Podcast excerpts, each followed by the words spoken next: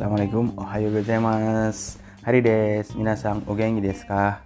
Apa kabar semuanya? Seperti biasa ketemu saya dengan Hari hari ini Di hari kerja Minasang nani shitemasu ka? Lagi ngapain? Genki desu ka? Sehat-sehat ka? Watashi wa aikawarazu genki ni shite imasu Seperti biasa, Alhamdulillah sehat Kyo wa nani shimasu ka? Hari ini kita akan bahas apa? Kita akan bahas tentang penggunaan partikel D. Kemarin D itu bisa artinya tempat melakukan sesuatu. Ada oboe temaskah? Masih ingat kah? Misalnya, saya di kelas belajar bahasa Jepang kan. Watashi wa kyoshitsu de nihongo o benkyou shimasu. Saya, saya kerja di perusahaan. Bisa juga uh, watashi wa kaisa de hatarakimasu. Hatarakimasu melakukan sesuatu. D juga dipakai untuk menjelaskan penggunaan alat. Bahasa Jepang itu lumayan banyak penggunaan D. Nanti juga kita akan bahas beberapa penggunaan D lagi di bab ini. Yaitu pengguna alat. Alat juga menggunakan D. Misalnya, saya orang Jepang makan nasi itu memakai sumpit. Penggunaan alat memakai sumpit. Sumpit masih ingat kan? Sumpit hasi betul. Hasi bisa sumpit bisa artinya jembatan. Masa makan pakai jembatan nggak mungkin? Kalau bilang hasi makan pakai hasi berarti pakai sumpit. Nihong Jingwa orang Jepang. Nihong Jingwa haside gohang o tabe mas. Orang Jepang makan nasi itu pakai sumpit. Misalnya saya uh, menggunting kertas memakai gunting. Gunting kemarin udah ada. Ingat kosakata gunting apa? Gunting? Nek hasami des hasami. Hasami. Watashi wa hasami de kami o kirimas saya memotong kertas menggunakan gunting. Kami bisa artinya uh, kertas bisa artinya rambut bisa artinya Tuhan. Tergantung menggunanya saya menulis laporan menggunakan laptop. Laptop masih ingat? Pak Sokong Watashi wa Pak Sokong de. Repoto o kaki mas repoto o kaki mas kamu nulis pakai apa? Nata wa nande uh, repoto o kaki mas kah? Nulis laporan pakai apa kamu? Misalnya pakai pensil pakai tangan? Jadul orang zaman dulu atau penggunaan D bisa juga memakai yang lain. Misalnya selain memakai alat memakai apa ya sepeda bisa juga atau memakai bahasa, memakai bahasa. Misalnya, saya menulis surat memakai bahasa Jepang. Watashi wa nihongo de tegami o kakimas. Hmm. Saya uh, nulis SMS memakai bahasa Inggris. Watashi wa eigo de SMSO Simas atau Meruo Simas. Apalagi ya? Kamu ngomong pakai bahasa apa? Anak tahu nani gode Simas ah kamu ngomong pakai bahasa apa itu? bisa juga seperti itu. D itu bisa pakai penggunaan bahasa juga. Atau gini, dia bisa juga sebagai penerjemahan uh, arigato bahasa Inggrisnya adalah thank you. Penggunaan D ini. Arigato wa eigo de thank you des gitu. Arigato wa eigo de thank you des. Uh, D. Terus misalnya thank you wa Indonesia go de terima kasih des gitu thank you bahasa Indonesianya itu terima kasih misalnya seperti itu. Terima kasih bahasa Spanyolnya apa? Gracias. Berarti terima kasih wa. Supain gode gracias des.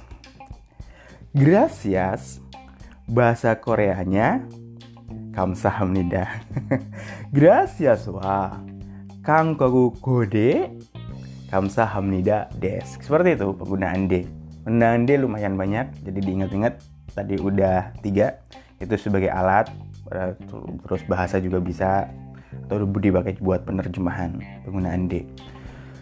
Terus yang di bab ini kita pelajari penggunaan ni. Kita udah ingat kan penggunaan ni waktu itu menunjukkan waktu. Misalnya saya bangun jam 7 pagi. Watashi wa asa shichi ni oke mas. Saya per pulang kerja jam 5 sore misalnya. Watashi wa gogo goji ni uh, kayak Rimas pulang ke rumah. Hmm. Sekarang nih dipakai untuk menunjukkan ke ke orang misalnya. Ke, ini juga bisa diartikan ke loh. Jepang bisa, waktu tinggal juga ada kan. Nih, saya tinggal di Jepang. Saya lahir di Jepang penggunaan ini. Sekarang penggunaan ini untuk orang, ke seseorang.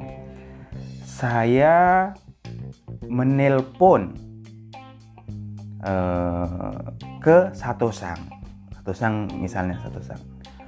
Berarti watashi wa satu sang ni denwa o kakemas menelpon denwa o kakemas watashi wa satu sang ni denwa o kakemas saya nelpon ke satu sang saya hmm, uh, minjem buku ini berarti saya minjemin buku ke uh, Yamada Sang. Watashi wa Yamada Sang ni hon o kasimasu. Saya minjemin buku ke Yamada Sang. Ini juga bisa artinya ke saya dari seseorang tergantung dari uh, kata kerja yang terakhirnya. Bahasa Jepang agak ribet di bagian ni ini Uh, misalnya, kalau kata kerjanya artinya menerima, berarti ke saya kan. Walaupun pakai ni. Gitulah bahasa Jepang. Saya menerima uh, duit dari bapak saya. Watashi wa uh, cici ni okane o moraimas. Karena kata kerjanya moraimas, menerima, berarti artinya dari bapak ke saya. Hmm lumayan ribet ya kalau belum pernah belajar. Ini dari mana ke mana gitu. Sama kalau orang Korea karena tata bahasanya sama mereka udah paham. Ada yang kata kata artinya dari. Dari itu hante. Dari siapa ke siapa kita nggak tahu. Dari pokoknya tergantung kata kerja yang terakhirnya gitu. Ini dari siapa ke siapa gitu. Dari dan kepada itu sama arti bagi mereka. Kalau kita kan gampang dari saya ke kamu kepada kepada saya gitu. Gimana sih ribet sih? Tergantung kata kerjanya. Kalau kata kerjanya menerima berarti buat saya. Kalau kata kerjanya buat dia berarti kepada dia. Uh, anatawa dari nih ukaneo agemas kah kamu mau ngasih duit ke siapa? Agemas itu ngasih duit. Sorry kalau derasinya belepotan. Jadi ini itu menunjukkan kepada orang tergantung kata kerjanya. Kata kerjanya kalau ke kita moraimas itu artinya menerima berarti dari seseorang ke kita.